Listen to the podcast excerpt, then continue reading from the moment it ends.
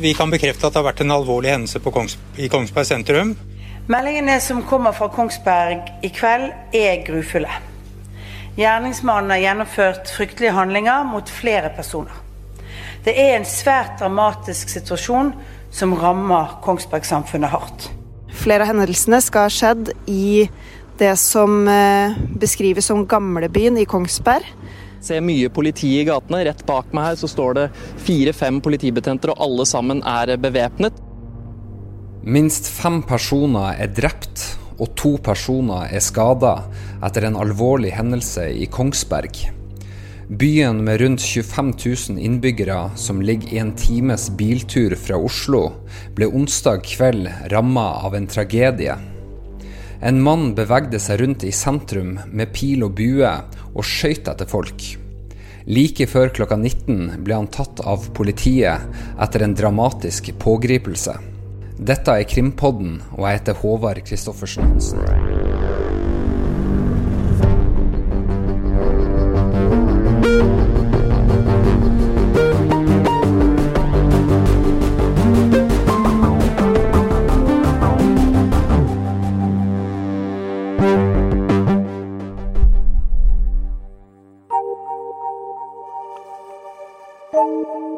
De første meldingene kom fra politiet sjøl via Twitter like før klokka 18.30 onsdag kveld.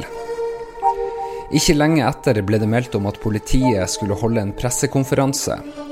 Regionleder Øyvind Aas i Sør-Øst politidistrikt informerte pressen klokka 20.30. De skadde er kjørt til sykehus for behandling. Kongsberg kommune er varsla og har satt kriseteam og bistår i oppfølging av de som trenger det. Mannen som har utført handlingen, han er pågrepet av politiet. Og det foregår ikke per nå aktivt søk etter flere personer. Ut fra de opplysningene vi har nå, så er dette en person som har utført disse handlingene alene.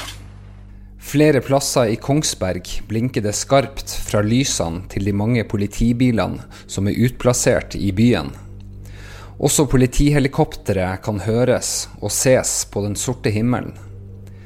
Flere av våre kolleger forteller om folketomme gater.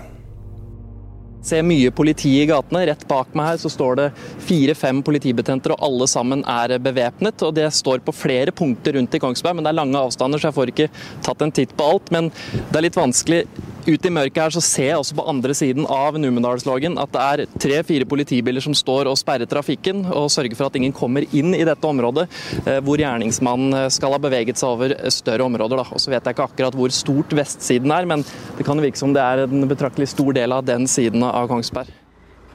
Akkurat nå står jeg og ser på fire politimenn som prater sammen og går fra det ene området, Coop-en, og bortover en annen gate her.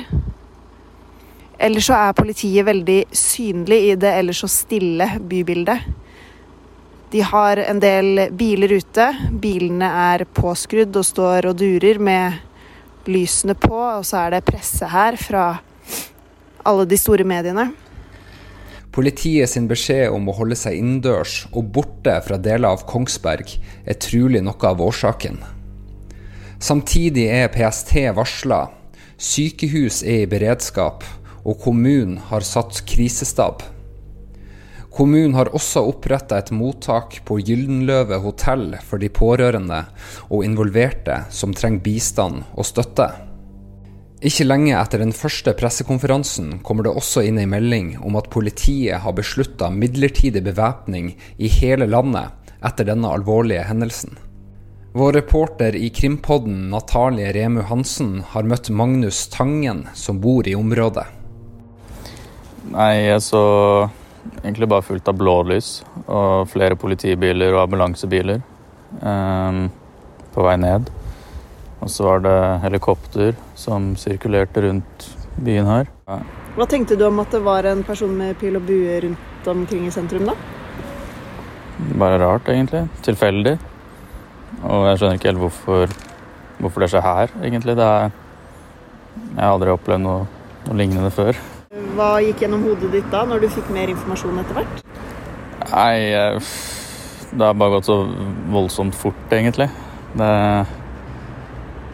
det er bare veldig rart. Måten Det var en, bare en helt vanlig dag, og så plutselig så er det fullt av politistyrker og bombegrupper og PST og hele røkla, egentlig, som bare samler seg i lille Kongsberg på vestsida. Du kom gående da du så at politiet rykka ut. Hvor var du på vei fra og til? Jeg var på vei fra leiligheten til butikken. Eh, jeg var jo klar over at det var en fyr i sentrum som hadde pil og bue. Jeg ringte mamma og sagt at jeg skulle være forsiktig. Eh, men så ser politiet kjøre inn her eh, ved yttergata, og sjekker telefonen igjen og ser at det er ja, 500 meter fra der jeg er nå, hvor det har skjedd. Så går jeg på butikken og hører at det var en fyr som hadde en pil i døra si eller et eller annet sånt, at det var ja, mye mer alvorlig enn det jeg trodde. Utpå kvelden innkaller politiet til en ny pressekonferanse. Klokka har blitt 22, og utafor Kongsberg politistasjon står et samla pressekorps klar. Ja, For de som ikke kjenner meg, da, så heter jeg Øyvind Aas. Jeg er leder i driftsenhet eh, Buskerud i Sør-Øst politidistrikt. Jeg kan også dessverre bekrefte at det er flere drepte og flere skadde. Mannen eh, er pågrepet. Han ble pågrepet eh, da i samme område, ikke så veldig langt unna, klokken 18.47. Og det er for øyeblikket ikke aktive søk etter flere personer i dette området etter hendelsen. Ut fra de opplysningene vi har nå, så er det én person som har utført disse handlingene alene. Ut fra hendelsesforløpet så er det naturlig å vurdere om dette er en terrorhandling. Den pågrepne er ikke avhørt, og det er derfor for tidlig å si noe om dette, hva som er knyttet til vedkommendes motivasjon. Situasjonen var, og er fortsatt, noe uoversiktlig. Vi hadde mye ressurser på plass, både fra Sør-Øst politidistrikt, men også med bistand fra nasjonale bistandsressurser i Oslo. Da med helikopter og beredskapstroppen med flere. Personen som er pågrepet er en mann. Det er eh, det jeg kan si om eh, den som er sikta i saken. Og han er da kjørt til politiets arrest.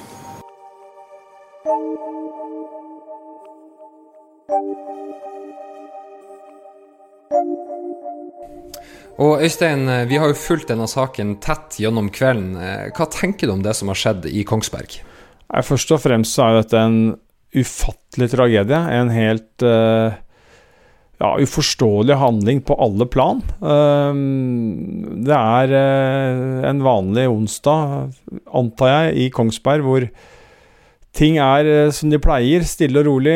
Noen er ute og handler matvarer. Vi vet jo da at det er en Coop-butikk som uh, havna i begivenhetene sentrum her. Og så starter jo da tragedien og dramaet plutselig ved at en mann begynner å, å skyte med, med, pil og bue mot flere personer.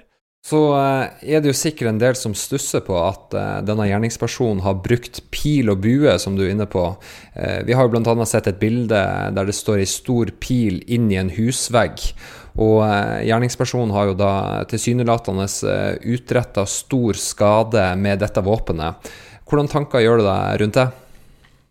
Nei, det er jo viktig å si at uh, kanskje ikke alle er klar over at pil og bue kan være, som vi nå, nå ser, et uh, livsfarlig redskap. Altså det er jo uh, Det fins jo lekeutgaver av, av pil og bue, men det fins jo også helt andre versjoner. Noen kaller jo armbrøst pil og bue, som jo er også et voldsomt redskap. Men, men også den vanlige, eller profesjonelle pil og bue er, er et voldsomt våpen. Det drives jo sport med, med dette. og og det er, ja, som jeg sier, du kan uh, drepe både mennesker og, og, dyr med den type våpen. Så mm, det er like farlig som Kan være like farlig som et skytevåpen. Mm, og det har jo vært flere tilfeller i Norge hvor personer har blitt skada etter at noen har brukt pil og bue. Og så var det jo da klokka 18.13 at politiet fikk melding om denne hendelsen, og da rykka store politistyrker ut. Eh, kan du si litt om hvordan politiet jobber teknisk og taktisk i en sånn fase av eh, etterforskninga? Det aller første som skjer da, er jo at politiet får en sånn akutt hendelse hvor liv og, helse, står står på spill, uh, hvor det er pågående skyting, er jo det uttrykket man bruker. Uh, her var det da pågående bruk av dødelig bruk av pil og bue. Og da er det jo det første, selvfølgelig, er å stoppe gjerningsmann eller gjerningsmennene. Og det er sånn at politiet er da uh, forplikta til å gå inn og gjøre med fare for eget liv, og, stoppe Eh, den eller de som eh, utøver eh, vold og, og, fare for andre personer. Og Det har jo her vært en, åpenbart en dramatisk affære. Vi vet jo at politiet har uh, fått melding klokka 18.13, og vi vet at det tok ca. en halvtime før gjerningsmannen ble tatt. Og imellom der så var det jo en konfrontasjon mellom politiet og gjerningsmannen, hvor han klarte å uh, komme seg unna før han igjen ble innhenta og pågrepet. Så det er jo den operative biten av det. Og så er det selvfølgelig da eh, spørsmål nummer to for de som jobber med å stoppe en eller flere gjerningspersoner, er jo eh, for hver gang man tar én, så spør man seg jo er det flere. Og det har man gjort her også, og så vet vi at man kom til og mener at han har operert alene. Uh, og det er liksom den operative biten. Da er jo på en måte faren over når man kan konstatere at vi er ganske sikre, eller ikke bare ganske, vi er bortimot helt sikre på at vi har tatt den eller de som har utgjort en uh, livsfare for uh, publikum uh, der dette pågår. Så er jo neste steg er jo da å sikre bevis. Og det har jo også vært et krevende oppdrag i denne saken, fordi at gjerningsmannen har, som vi har vært inne på, Håvard, vært i veldig mange forskjellige deler av Kongsberg. Og det er mange åsteder, det er store områder, som jo gjør at politiet for det første må lete for å finne disse plassene. Og for det andre så må man sperre det av, sånn at ikke folk etter hvert, som det jo dukka opp en del mennesker, naturlig nok, går, tråkker øh, og på en måte oppholder seg på de stedene hvor politiet skal sikre bevis, for da blir åstedet forurensa. Uh, og så er det jo Det skjer veldig mye, ikke sant. Og det, neste, det som skjer parallelt med dette her, er jo at noen begynner å jobbe med hvem er denne gjerningsmannen, og hva kan hans identitet fortelle oss med tanke på om det er flere personer som er involvert, med tanke på hvorfor han har gjort det. Og da, så fort man har en identitet, så begynner man jo da å jobbe med etterretningsinformasjon i politiet. Fins han i noen register? Har noen skrevet noen, notater om noe han har gjort? Eh, noen har vært borti? Tilhører han noen, miljøer? Har han voldssaker eller andre trusselsaker på seg fra før? Er han dømt tidligere? Um, og, og, man gransker jo da særlig ja, også de tidligere sakene han eventuelt har vært involvert i, for å se hva slags saker det er. Uh, og så er det jo naturlig at man også begynner å ransake på de eiendommene eller stedene, husene, boligene, arbeidsplassen, hva det måtte være, hvor han er uh, tilknytta. For det handler jo igjen om å sikre bevis, kanskje få en ganske raskt forståelse. Hvis man er heldig, så finner man jo bevis ganske raskt som kan lede i retning av både om det er rett gjerningsmann som er tatt, hvis man er i tvil om det, men også om motiv. Ja, for vi vet jo at eh, PST er varsla. Eh, kan det være en indikasjon på at dette kan være politisk motivert? Ja, eh, så lenge vi bruker ordet 'kan', så er jo det riktig. Og så er det jo helt opplagt at uansett omtrent, i en innledende fase i en sånn sak, så vil PST bli varsla når en eh, mann går rundt og skyter, om det er med våpen eller pil og bue, eh, vilkårlig tilsynelatende rundt seg, så er jo selvfølgelig dette med terrorhandling, og det vet vi fra Uh, ja, vi vet jo dessverre veldig godt fra Norge med, med 22. juli-saken, og vi vet også fra utlandet i større og mindre skala at det kan være en terroraksjon. Så kan det også, som vi har sett i hvert fall i utlandet, være psykiatri. Det er jo sikkert en annen hypotese politiet umiddelbart har, men like, og de har sikkert flere hypoteser enn det de jobber med også, men, men det er klart at uh, så lenge man med en gang man mistenker da, og tenk, tror at det kan handle om en uh, terrorhandling, så er det jo naturlig at PST blir varsla, og at de da vurderer uh, situasjonen, vurderer denne eh, mannen og hans bakgrunn og hva han har gjort, hva man vet om han, for å på en måte kaste raskt lys over eh, om denne terrorhypotesen styrkes eller svekkes ut fra den kunnskapen og informasjonen man har om han. Mm. Og så har jo politiet vært eh, nokså sparsommelig med opplysninger både rundt eh, hendelsesforløpet og når det gjelder denne gjerningspersonen, og i, i tillegg til skadde og omkomne. Eh, handler det om at de ikke har oversikt over situasjonen, eller er det av hensyn til eh, etterforskninga? Hvordan tolker du det? Uh, begge deler, tenker jeg. Uh, jeg er helt sikker på at de har ikke full oversikt, uh, men jeg er helt sikker på også at de har mer informasjon enn det de vil gå ut med. og det handler jo om mange ting. At man må være tilbakeholden. For det første så er man fortsatt sånn at man vil gjerne være veldig sikker før man går offentlig ut med noe, og det betyr jo at en del ting kanskje ikke er helt ferdig undersøkt, selv om man for alle praktiske formål mener at man uh, vet uh, det eller det eller det, så, så, vil man jo kanskje vente til man er ja, bortimot og kanskje helt opp til 100% sikker. Det er det ene. Det andre er at man har jo her en etterforskning som pågår. Man ønsker å skjerme den. Man ønsker å ikke ta noen risiko. Man vet jo ikke helt hvilken informasjon som potensielt kan skade en etterforskning. Man eh, holder sikkert en viss mulighet åpen for at han, gjerningsmannen kan ha en eller annen form for medvirker, medhjelper, eh, noen som av en eller annen grunn kan uh, forspille bevis dersom uh, veldig detaljert informasjon om gjerningsmannen eller eventuelt angrepet blir kjent. Uh, man har hensynet til de pårørende. Det er skadde, alvorlig skadde. Kanskje er det så hardt skadde at man er redd for at flere skal Eh, dø. Vi vet at det er flere døde. De har pårørende som skal varsles, eh, ikke av oss i mediene, men av politiet, om at eh, det har fått en så tragisk utgang. Og det handler om at man drar i håndbrekket med tanke på kjønn, alder, arbeidsplass, bosted. Altså alle disse tingene som kan identifisere mennesker, vil man jo ikke gå ut med da når det gjelder de ofrene man, man står overfor. Og Jeg er sikker på at politiet vet helt sikkert kanskje både ja, både, både, på alle de som er døde, er det mulig man nå har identiteten, men man holder da tilbake igjen fordi at uh, det sitter pårørende uh, nå i kveld, helt sikkert, og har fått informasjon kanskje for en kort tid siden, eller i verste fall enda ikke har fått den informasjonen. Og, og da er det viktig for politiet at det, at det foregår på en trygg og fornuftig måte, i den grad det er mulig i en sånn situasjon.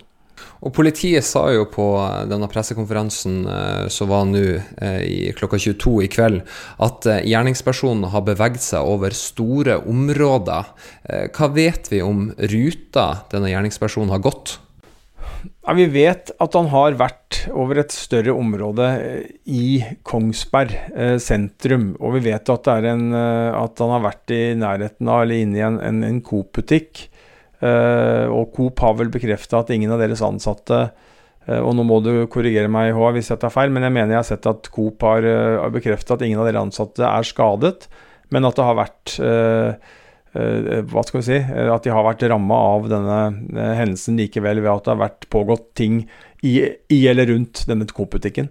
Så, så, det er klart at det er, det er en Fortsatt så er det en uoversiktlig situasjon, selv om politiet nå heldigvis mener at denne mannen eh, har handla alene, og at han er pågrepet og sitter eh, bak lås og slå og skal avhøres eh, nå, etter hvert. Som jo kan gi oss noen svar, føre til at man vet litt mer. Han sitter jo i arresten i, i Drammen nå i kveld, og blir sittende der nå fremover de neste dagene. Og han får jo da etter hvert nå oppnevnt en forsvarer. og så vil han jo få tilbud om å gå i politiavhør. Det er jo ikke noe han må, men det er noe han blir oppfordra til, og som han gjerne ønsker fra politiets side. Og hvis han gjør det, så, så kan man jo øh, oppleve flere scenarioer. Det ene er jo at han samarbeider og svarer på spørsmål, og da vil jo politiet selvfølgelig kunne dra nytte av det.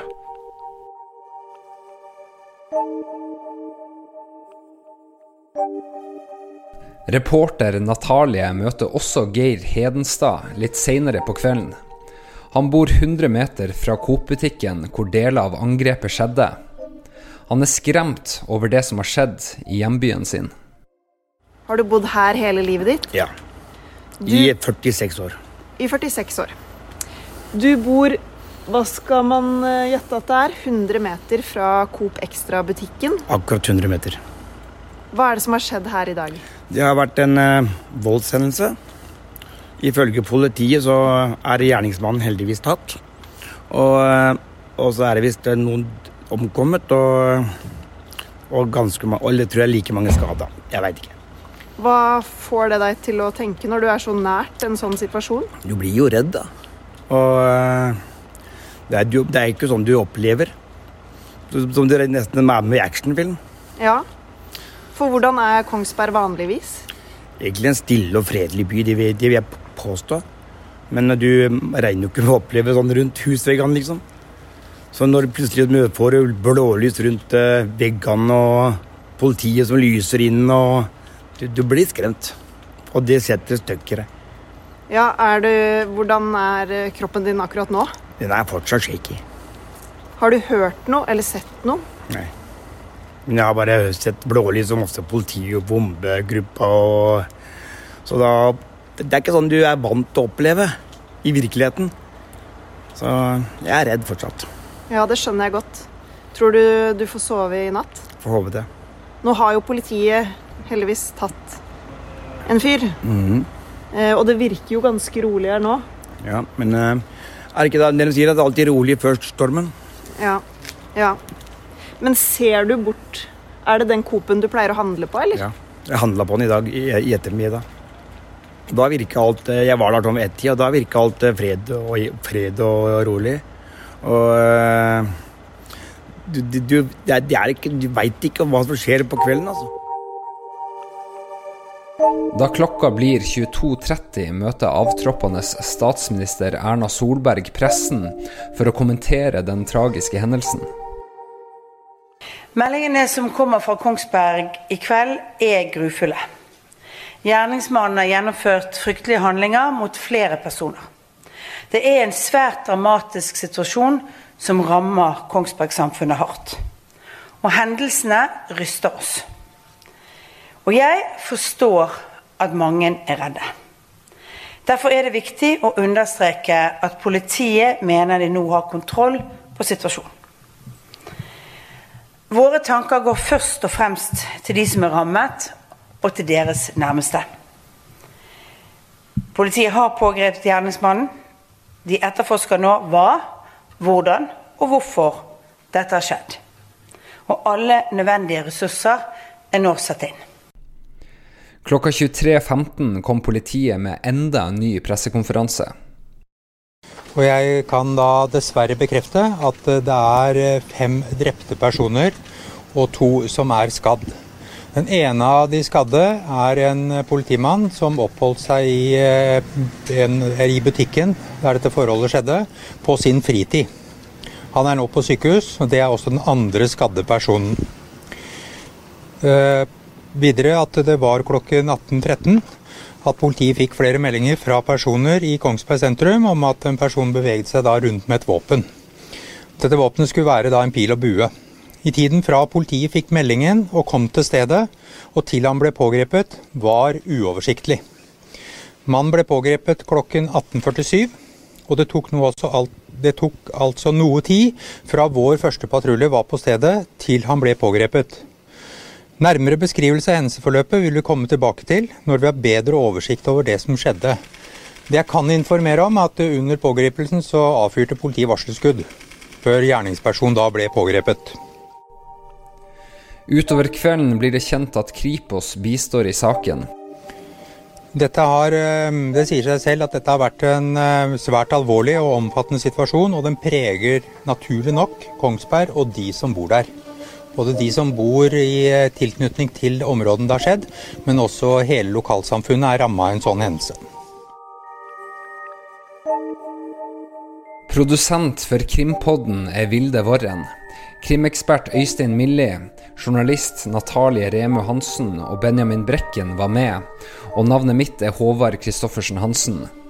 Vi følger denne saken tett, og er tilbake med en ny episode om denne tragedien utover dagen på torsdag. Vi høres da.